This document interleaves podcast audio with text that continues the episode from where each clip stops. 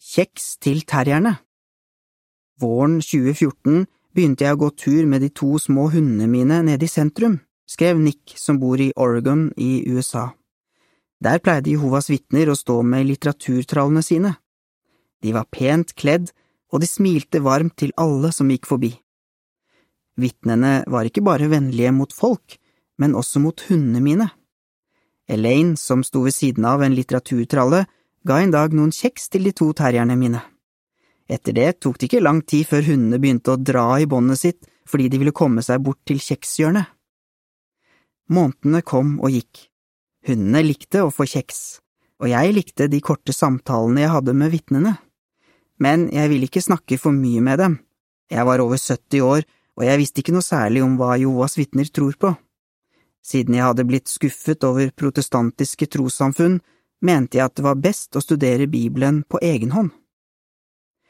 I løpet av denne tiden så jeg andre Jehovas vitner som sto ved siden av litteraturtraller forskjellige steder i byen.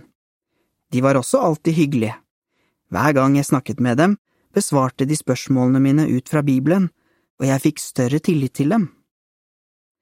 En dag spurte Elaine, Tror du at dyr er en gave fra Gud? Ja, det er jeg helt sikker på, svarte jeg. Så leste Elaine Jesaja 11, 6–9 for meg.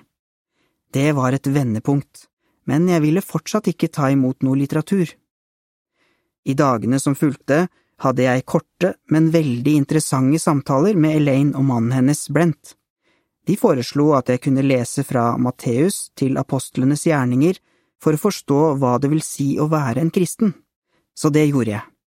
Ikke lenge etterpå begynte jeg å studere Bibelen sammen med Brent og Elaine.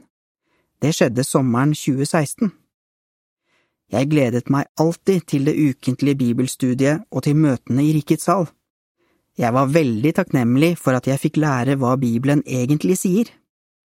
Litt over et år senere ble jeg et døpt Jehovas vitne. Nå er jeg 79 år, og jeg vet at jeg har funnet sannheten. Jehova har velsignet meg ved å la meg få bli en del av hans store familie. Artikkelen slutter her.